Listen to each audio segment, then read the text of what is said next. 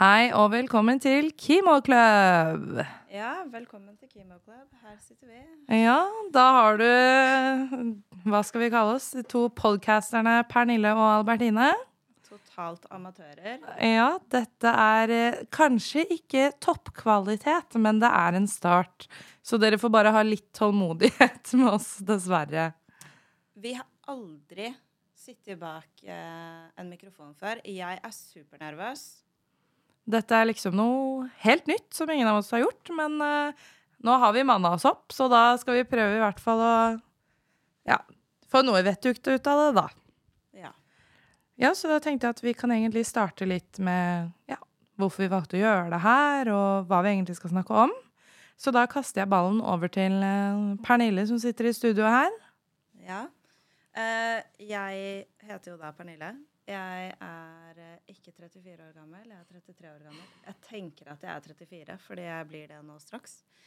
Eh, Grunnen til at vi har starta podkast, det er fordi at i november i fjor så fikk jeg diagnosen livmorhalskreft. Eh, og det jeg merket da i løpet av den reisen, var at jeg savnet vel et type community hvor man kunne snakke sammen, ting var basert mer på personen. For alt det jeg erfarte at jeg kunne få av hjelp eller støtte, det var jo veldig A4, en generell greie. Og det er jo ikke det vi som personer er i det hele tatt. Vi er sammensatte, og jeg ville ha en mer, for meg, spirituell enn en medisinsk approach til hjelpen og støtteapparatet som er rundt. Uh, og da endte det med at vi Jeg snakka med deg, Albertine, mm eh, og foreslo at vi kunne begynne å starte opp et community hvor vi også kunne tilby coaching. Så jeg er faktisk snart ferdig sertifisert coach. Oho.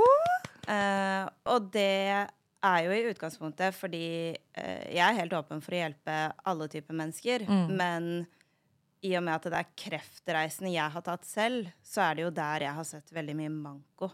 Så det er det vi prøver på her. Eh, starte opp et community hvor vi kan ha støtte, takhøyde, hjelpe hverandre, dele historier Mm. og litt sånne ting. Og når vi er inne på det, så kan jeg fortelle om grunnen til at vi heter Chemo Club også, er jo fordi når, fra starten av at jeg fikk vite at jeg hadde kreft, så tenkte jeg OK, nå kan jeg gjøre ting dritt, eller jeg kan gjøre ting så bra som mulig i dritten jeg står i. Um, og da bestemte jeg meg veldig tidlig for at jeg skulle være så positiv som mulig. Eh, ta de gode, små tingene jeg kunne finne i løpet av en dag, istedenfor å bare fokusere på det negative. Eh, de første tre ukene etter jeg fikk vite at jeg hadde kreft, så ante jeg jo ikke hvilket stadium jeg var i. Jeg ante ikke om jeg kom til å overleve, hvor lang tid jeg eventuelt hadde igjen. Jeg hadde ikke peiling på noe som helst, og gikk jo egentlig bare hjemme og undra. Mm. Um, og da, når jeg til slutt fikk vite at jeg var i første stadium, og at planen for meg var helbredelse, så fikk jeg også vite at jeg skulle ha stråling og cellegift som behandling. Og da tenkte jeg sånn at OK, nå har jeg en mulighet. På cellegiften så sitter man uh, mellom seks og syv timer i et rom med ukjente mennesker. Her har jeg mulighet til å bli kjent med mange jeg ikke ville møtt noen gang før hvis ikke det hadde vært for det her. Mm. Uh, og da begynte jeg å tulle med det at uh, da skal jeg lage en Chemo-club. eh, slogan skal være 'Sammen er vi strålende'. Og, og gjorde en veldig sånn positiv og morsom ting ut av det. Mm. Så når vi kom fram til denne ideen vår, da, og vi begynte å snakke om podkast, så sa jeg med en gang til deg vi skal være Chemo-club. Mm. Så det er derfor vi heter Chemo-club. Ja, og det er litt sånn Hva skal man si? Det å kunne gjøre noe på en måte morsomt ut av navnet, om det ikke blir helt feil å si. Det å på en måte kunne, sånn som du sier, lage et community, og at du allerede tenkte på det navnet da, ikke sant? Ja, og gjøre noe morsomt ut av en kjip situasjon. For mm. faktum er jo at veldig, veldig mange av oss kommer til å få kreft på et eller annet tidspunkt. Eh, jeg tror vel ikke det er en eneste person i verden som ikke er berørt av kreft på en eller annen måte. Nei. Om det er familiemedlem, eh, mammaen til en venn. Vi har alle vært borti kreft. Mm. Og fra starten av, når jeg fikk diagnosen min, så bestemte jeg meg med en gang at jeg skal være åpen. Uh, I de tre ukene hvor jeg satt hjemme og venta, så som sikkert mange av dere har sett, uh, kom jo denne dokumentaren med Maren på TV. Mm.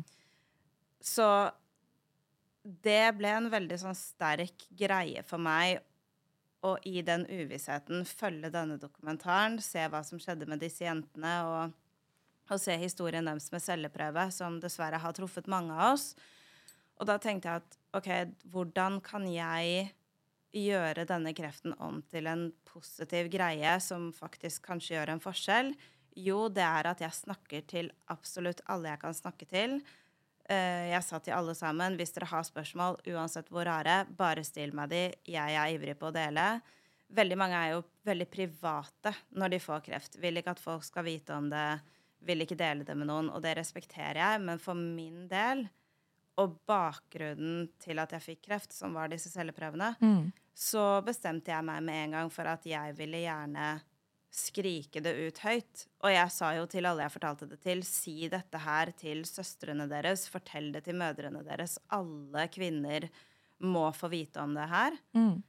Eh, så derfor ble det en veldig naturlig greie for meg fra starten av å være åpen og snakke mye om kreft. Og da fikk jeg også se hvor tabu kreft er. Mm. Folk får jo helt packeren. Mm. Eh, hvis man sier 'ja, nei, jeg har kreft', skjønner du, så ser jo folk ut som at du, stakkars, er det tristeste vesenet i hele verden.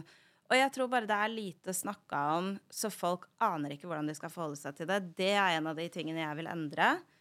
Eh, jeg vil bare ta bort tabuet litt, og samtidig skape et rom hvor vi alle som har opplevd det på en eller annen måte, kan snakke høyt og fritt om hva kreft er. Fordi det er så sinnssykt vanlig.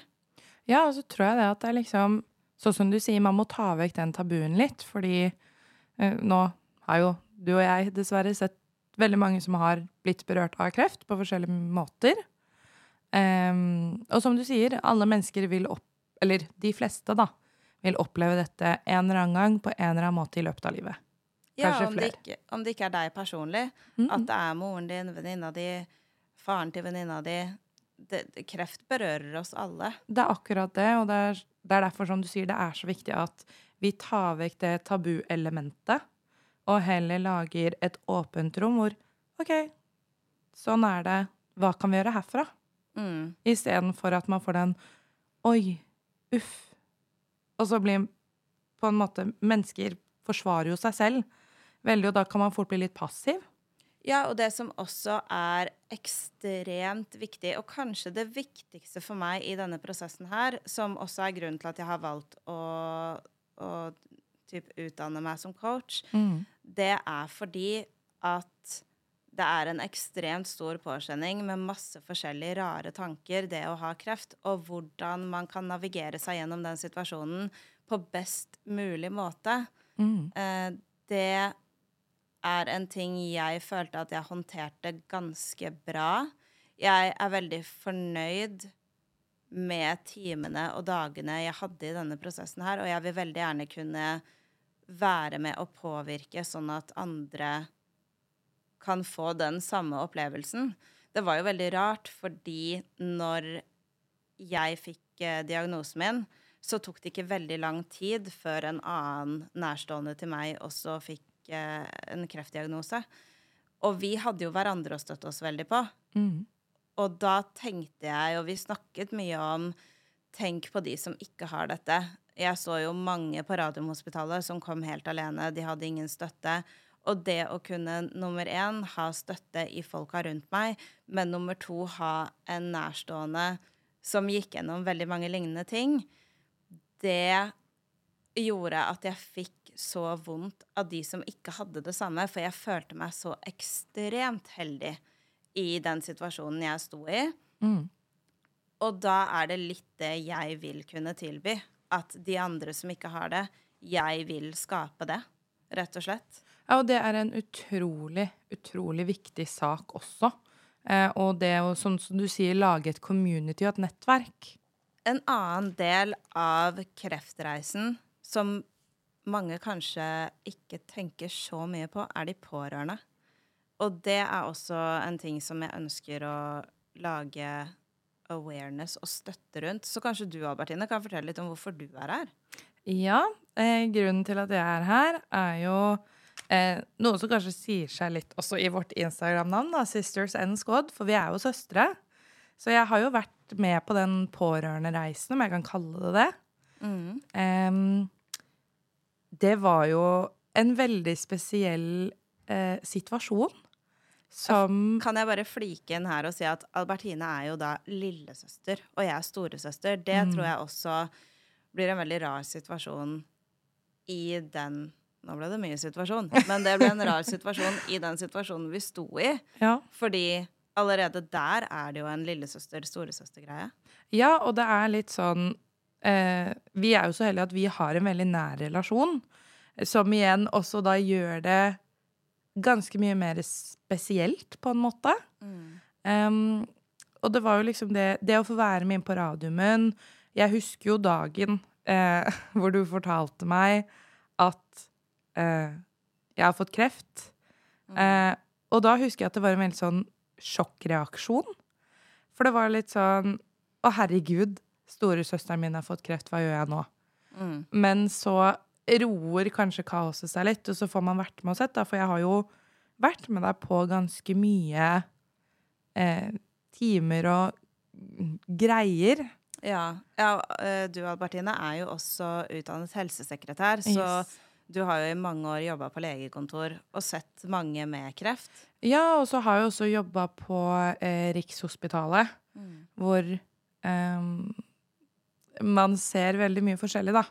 Eh, og det var jo også noe av det som inspirerte meg til å ville være med på denne reisen, fordi jeg har sett det både som helsepersonell og som pårørende og som lillesøster. Em, og jeg er veldig glad, hvis man kan si det sånn, for at jeg har fått vært med og sett hvordan dette var. For jeg har jo fått være med deg på Radiumhospitalet, jeg har jo fått sett deg når du måtte da ta cellegift, ikke sant, og tiden etter. Mm. Og tiden etter er jo også noe av det som er veldig lite snakket om. Ja. Det å ha sett hvor mye det har påvirket deg um, fysisk, for det første. Mm.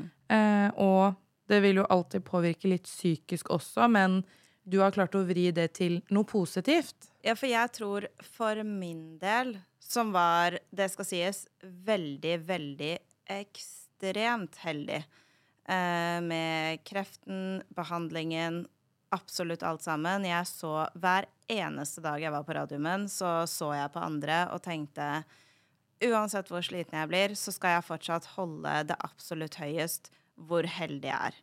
Eh, for det var det veldig mange som ikke var. Og det har jo også brakt med seg at jeg nummer én var heldig. Jeg er relativt ung fortsatt. Så det fysiske, det var det enkleste, Mm. sånn egentlig. Mm. Det jeg syns var verst i ettertid, var det psykiske. Ja. Som jo er grunnen til at vi sitter her i dag og har Sisters and Squad. Ja. 110% Det psykiske, jeg vet ikke hvordan det var for deg. Altså ehm, Hva skal man Det er det å liksom prøve å finne de riktige ordene for akkurat det. Fordi jeg tror min første reaksjon var jo at jeg ble livredd. For igjen, um, vi har en veldig tett relasjon. Og vi er, du vet, bestevenner, om man kan bruke det ordet, på en riktig måte. Ehm, og da blir det jo litt sånn, du er redd for å miste ikke bare søsteren din, men også din beste venn og din nærmeste. Ja, og som jeg sa Nå avbryter jeg deg mye her, beklager for det. det Som jeg sa veldig tidlig i dette Noe av det første som slo meg når jeg fikk kreftdiagnosen min, var Jeg har en liten hund som jeg har hatt i tolv år. Han er skjelettet mitt og bare alt. Og han er veldig mye syk. Så noe av det første jeg sa til meg selv, var Fy faen. Takk Gud at ikke det her var hunden min eller samboeren min eller et eller annet sånt. Eh, og det å få det perspektivet der, at først og fremst var det fullstendig takknemlighet for at ikke det var noen andre, gjorde også at jeg med en gang innså at for meg var det lettest å være den som eventuelt stikker. Mm. Fordi det ble så tydelig for meg at hvis det skulle vært en som var meg veldig nært, så hadde det nok vært veldig mye vanskeligere Hvis du er den som stikker, så er Mm. du den som stikker, og det er i, mi, I mitt hode så er det vanskelig og vanskeligst for de som sitter igjen. Mm. Mens jeg skulle eventuelt sveve av gårde et eller annet sted og ikke måtte deale med the aftermath. Mm. Eh, så sånn sett så har jeg ofte tenkt at det sikkert var verre for dere som er pårørende, spesielt de tre første ukene hvor vi ikke visste hva som kom til å skje. Ja, og så tror jeg det er litt den der med at eh, Sånn som du sier, du vet ikke hva som kommer til å skje. Og sånn som du også igjen sier, at du er jo den som på en måte svever av gårde og på en måte Du sitter ikke igjen med noe, på en måte. Men en måte. Nå sier jeg veldig mye på en måte, på en måte. Beklager for det. Eh, nei, men det, det er veldig rart å være pårørende. Mm. Fordi jeg har jo stått på andre siden av båten og sett det fra du vet, en profesjonelt sitt perspektiv. Mm. Men når det plutselig er jeg som skal være den personen, så blir det en veldig rar sånn bytting av roller. Mm. Fordi du skal sitte og føle på alle disse følelsene, og du skal bearbeide ting, og du Du er jo livredd, for det er jo en person du er glad i. Mm. Um, og man vet liksom at det kan svinge til høyre eller til venstre, og bare den For jeg hadde jo den tanken veldig mye Hva gjør jeg nå hvis du dør? Det var jo også rett etter takk Gud at dette var meg og ikke en av de andre, så var jo neste tanken min eh, Men hva faen skjer med de som er avhengige av meg nå? Mm. Eh, så den, den tanken kom også veldig fort, hvor jeg da begynte å omstille meg til et headspace hvor jeg satte meg mer inn i deres situasjon.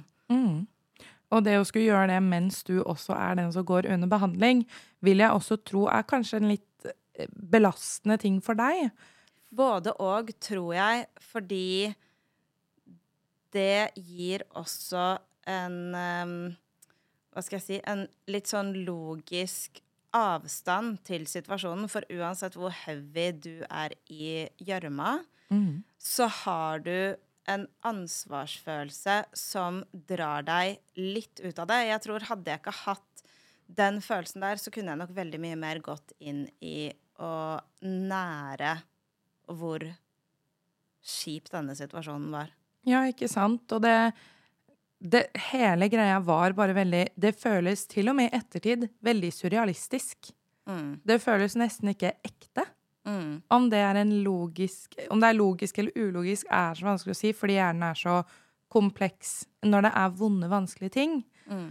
Um, men det jeg føler meg veldig heldig med, og det blir kanskje feil å si det òg Jeg elsker å si at man er heldig. Ja, fordi det at jeg fikk være med og faktisk se OK, hvordan funker dette i praksis? Mm. Det, å ja, det er sånn cellegift funker. Å ja, det er stråling. At man får litt mer sånn OK, jeg skjønner litt mer. Ja. Jeg, jeg skjønner litt mer av hva som egentlig skjer. Og det er jeg veldig heldig, synes jeg, som har fått oppleve det. For igjen, um, det kan jeg bruke videre på de pårørende som jeg møter på, da, og har møtt på. Mm.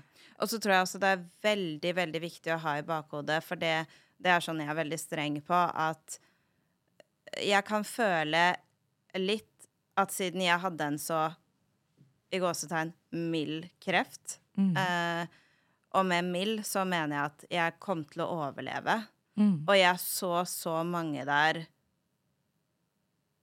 som plutselig ikke kom til neste cellegifttime, for å si det Mm. sånn. Mm. Så det er veldig viktig for meg også å være respektfull og bøye hodet mitt for de som ikke var like heldige som meg. Så når jeg snakker ut ifra mitt kreftperspektiv, så må jeg også nevne at jeg var fryktelig heldig.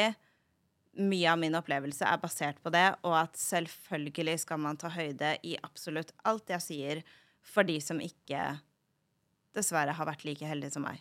Ja, så bare sånn kjapt avslutningsvis. Du har jo vært veldig heldig. Um, og bare sånn kjapp pårørendeting som jeg la merke til, da, var at jeg har vært veldig heldig med de igjen som har støttet meg. Det har jo vært alt fra læreren min til kollegaer til you name it. Altså, det har Det har vært veldig fint å ha den støtten, men ja, det er Det, det trengs et opplegg for pårørende også. Hvordan man skal takle den frykten du sitter igjen med at OK, kommer dette til å skje med deg igjen? Kommer det da Altså alle de type tingene, da. Ja, da er det faktisk en ny dag for oss. Vi rakk ikke spille inn alt eh, forrige gang. Da var det første gangen vår i studio, så vi surra litt. Ja, det, det blir jo fort litt sånn når man skal bli kjent med alt det nye, og man skal liksom lære seg alle knapper og sånne type ting. Så da tenker vi at da bare kjører vi i gang på del to. Ja, da er vi back on. Yes. Eh, det vi tenkte at vi skulle snakke litt om, var jo en av byggesteinene i dette prosjektet, som er coachinga. Mm. Um, nå er jeg snart ferdig sertifisert coach. Mm. Og det vi kommer til å starte opp med da, vi kommer til å lansere en hjemmeside som uh, vi skal coache gjennom. Um, og mye av grunnen til at vi vil gjøre det, er jo fordi når jeg var i kreftbehandling, så så jeg hvor god effekt jeg hadde av å styre mindsettet mitt. Så det er litt det jeg vil hjelpe andre å gjøre. Mm. Uh, Albertine, du skal jo være vår SoMe-person, først og Ja. fremst. Kanskje coach på sikt. Ja, på sikt, men eh, nå prøver vi å fokusere mest på, på de sosiale mediene våre. Ja. eh, og bygge opp de, noe som også er en eh, jobb i seg selv, men Vi som har- også er veldig spennende. Vi har 115 venner as we speak. Ja, og Pernille har tendens til å si venner istedenfor følgere, så det er noe dere kommer til å høre ganske mye gjennom uh, igjennom podkasten, bare så at dere vet hva hun refererer til. Hvordan du synes eh, coachingskoleopplevelsen er, og hva du tenker litt om det. og ja. Vet du hva, det er kjempespennende. Eh, nå har jo ikke jeg vært på skolebenken på for mange år til at jeg kommer på hvor lenge det er. Eh, men det er superinteressant. M- litt nytt. Mye jeg følte at jeg visste fra før av. eh, men mye verktøy For én ting er å hjelpe seg selv, en annen ting er å hjelpe andre. Mm. Så mange verktøy jeg trenger. Mm. Um, og jeg er jo også litt sånn fan av at hver eneste dag så sjekker man seg selv, man tar en liten statusrapport Mm. og pepper seg selv. Eh, Mm. Så sånn sett så er eh, coachingskolen veldig fin, for da får jeg det veldig naturlig. Spesielt i oppstarten av det her som vi driver med nå.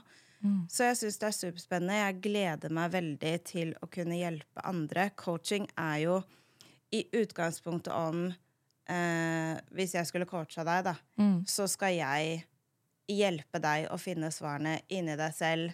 Mm. Hjelpe deg å snu mindsettet ditt. Hjelpe deg å se på negative ting med litt nye øyne. Og hvordan du kan gjøre negative ting til din styrke. Mm. Eh, så ja, superspennende. Gleder meg ekstremt mye til eh, å komme ordentlig i gang. Være ferdig sertifisert. Men jeg tenker at uh, coachinga har jeg veldig lyst til å ta dere med ned i et lite dypdykk i når jeg er ferdig sertifisert, så jeg ikke driver og snakker masse nå, og så plutselig lærer jeg noe senere i dag som gjør at jeg har sagt noe feil. Mm. Uh, så, men eh, jeg kommer gjerne tilbake til dette med deg i en senere episode. Mm. Mm. Men hva er det du syns egentlig er mest spennende? Jeg vet jo at du er en veldig SoMe-person. Du går uh, markedskommunikasjon. Kreativ markedskommunikasjon, ja. Jeg Ja. stemmer. Eh, så jeg ser for meg at du har nok andre synspunkter på hva du syns er mest spennende av denne reisen her, og med vennene våre på Facebook Nei, Facebook, sier jeg på Instagram. Vi er på Facebook også. Ja. Um, hva er det du syns er mest spennende hittil? Altså Det jeg synes har vært mest spennende hittil, er jo ikke bare det at vi bygger opp en plattform fra grunnen av, men også det å se alle de forskjellige som følger oss. Mm. Vi er jo faktisk så eh, heldige at vi har noen følgere som har gått gjennom det samme som deg, Mm. som eh, også kanskje føler at det er et behov for at dette blir snakket om, Mm. og at dette blir tatt opp, og at det er en trygg plattform for eh, å kunne snakke om dette. Kunne snakke om hva som skjer etterpå. Ja, og jeg ser jo det at de eh, har jo også lagd sine egne plattformer, Mm. som er veldig spennende å følge med på. Eh, Mm. De fronter jo sin sak, og sammen så er vi alle på vei mot en bedre verden som er mer opplyst, håper jeg. Ja, og det er jo også eh, det at eh, de har så forskjellige historier. Mm. De har så forskjellige opplevelser, og hvordan tiden etterpå er, er også så forskjellig. Mm. Eh, og det syns jeg også er spennende at vi får lov til å eh, dele plattformen vår eh, med folk som også har gått gjennom det. Og de også får sin mulighet til å fortelle sine historier, sine opplevelser, og at vi kan booste hverandre. Mm. Fordi det er så viktig, og det er så utrolig forskjellige historier, da. Mm. Som er eh, Det er ganske rørende å gå inn og lese. Mm. Og hvordan de også oppdaterer oss om dag til dag. Eh, for alle dager er jo forskjellige. Det er jo noe du på en måte også har erfart, da. ja. Um, så nei, jeg synes det er kjempegøy at vi kan reache ut, og vi kan connecte med folk som har gått gjennom det samme. Og det er det som er gøy, å se at det kommer flere og flere. Ehm, og at vi strekker oss utover, på en Mm. måte. Ehm, så nei, jeg synes hele prosessen er kjempegøy, og bare det å få lov til å være med på en sånn her reise, Mm. er også veldig, veldig morsomt, synes jeg. ja. Og så er det gøy å kunne designe litt grafisk og touche litt der. Og Lage litt logoer. ja. Veldig gøy å få bygget opp de sommerplattformene og plattformene.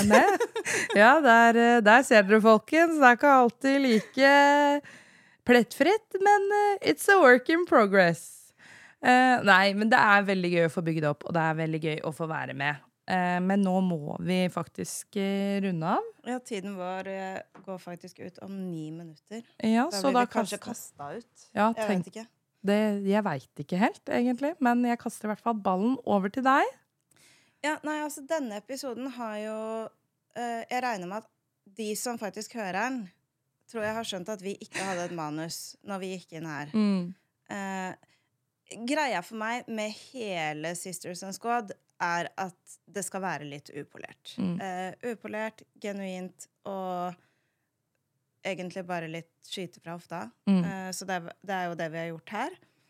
Vi bestemte oss for at vi går inn uten manus. Vi skal ha en liten intro bare, hvor vi snakker, du og jeg. Mm. Og det er det vi har gjort. Så denne episoden er kanskje litt svevende, Mm. tenker jeg. Uh, men neste episode Mm. har vi allerede planlagt hva vi skal snakke om. Mm. Ikke at vi nødvendigvis kommer til å ha et manus, for vi liker jo fortsatt den upolerte greia. Men temaet for neste episode er spørsmålene ingen tør å stille. Ja. Du, du, du. Og det vi tenker da, er at alle de spørsmålene du ikke tør å stille til de som har kreft, kan Mm. du stille til oss. Yes. Det er ingenting som er for kleint, for rart. Jo, kanskje noen ting. Men eh, i forhold til spørsmål om kreften, Mm. kreftbehandling, hvordan dette funker, så er det ingenting som er for kleint eller for rart. Så vi kommer til å legge ut um, så fort denne episoden er ute, Mm. som da er På søndag den Ja. 24. 24., Yes. så kommer vi til å legge ut Still oss spørsmål. Mm. Og Og- det kommer vi til å legge ut på Instagram, på stories der. Ja, Da går dere bare inn og skriver. der eh, heter vi Sisters and, And Squad. Squad. Yes. Um, og da er det egentlig bare å pøse på med spørsmål. Mm. Hvis man Det går jo ikke an å sende inn spørsmål anonymt på Instagram, men hvis man Vi kommer ikke til å nevne noen navn. Nei. Eh, med mindre man selv vil det. Da kan man Mm. skrive liksom at Bare nevn navnet mitt. Det Ja. er ikke noe stress. Mm. Så det er greia. Da kan vi svare på masse rare spørsmål. Uh, bedre å stille de spørsmålene som gjør kreft kleint og rart, til oss, og få Mm. svar. Så er man kanskje mindre klein til man havner i en situasjon hvor man skal snakke med noen som har kreft en gang til. Ja. Så kjør på. Send noen spørsmål. Ingen spørsmål er eh, for kleine eller for dumme. Så bare kjør på. Det, og som sagt så legger vi det ut på Instagrammen, så dere skriver bare inn der. Og så, sånn som Pernille sa, dere velger selv om det skal være anonymt eller Ja. Og gjerne følg, del, spre ordet. Mm. Det vi ønsker her, er jo å hjelpe andre, i Mm. Vi vil lage et community, og vi vil hjelpe andre. Mm. Men vi starter helt på scratch. Eh, vi har ingenting å stå på fra før av. Så for å kunne hjelpe andre, så trenger jo vi at folk vet at vi fins. Mm. Så ja, gjerne spre ordet. Hjelp oss å dele.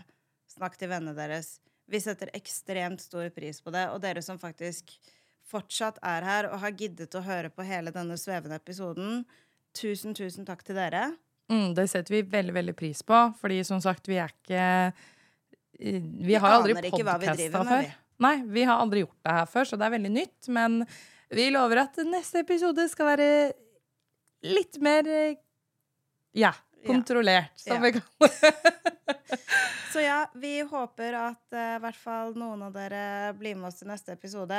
Jeg aner ikke hva jeg forventer meg. Jeg ser for meg at uh, hvis vi har mer enn to lyttere, det er da mer enn uh, oss selv. mm, Har vi tre, så har sikkert mamma hørt på.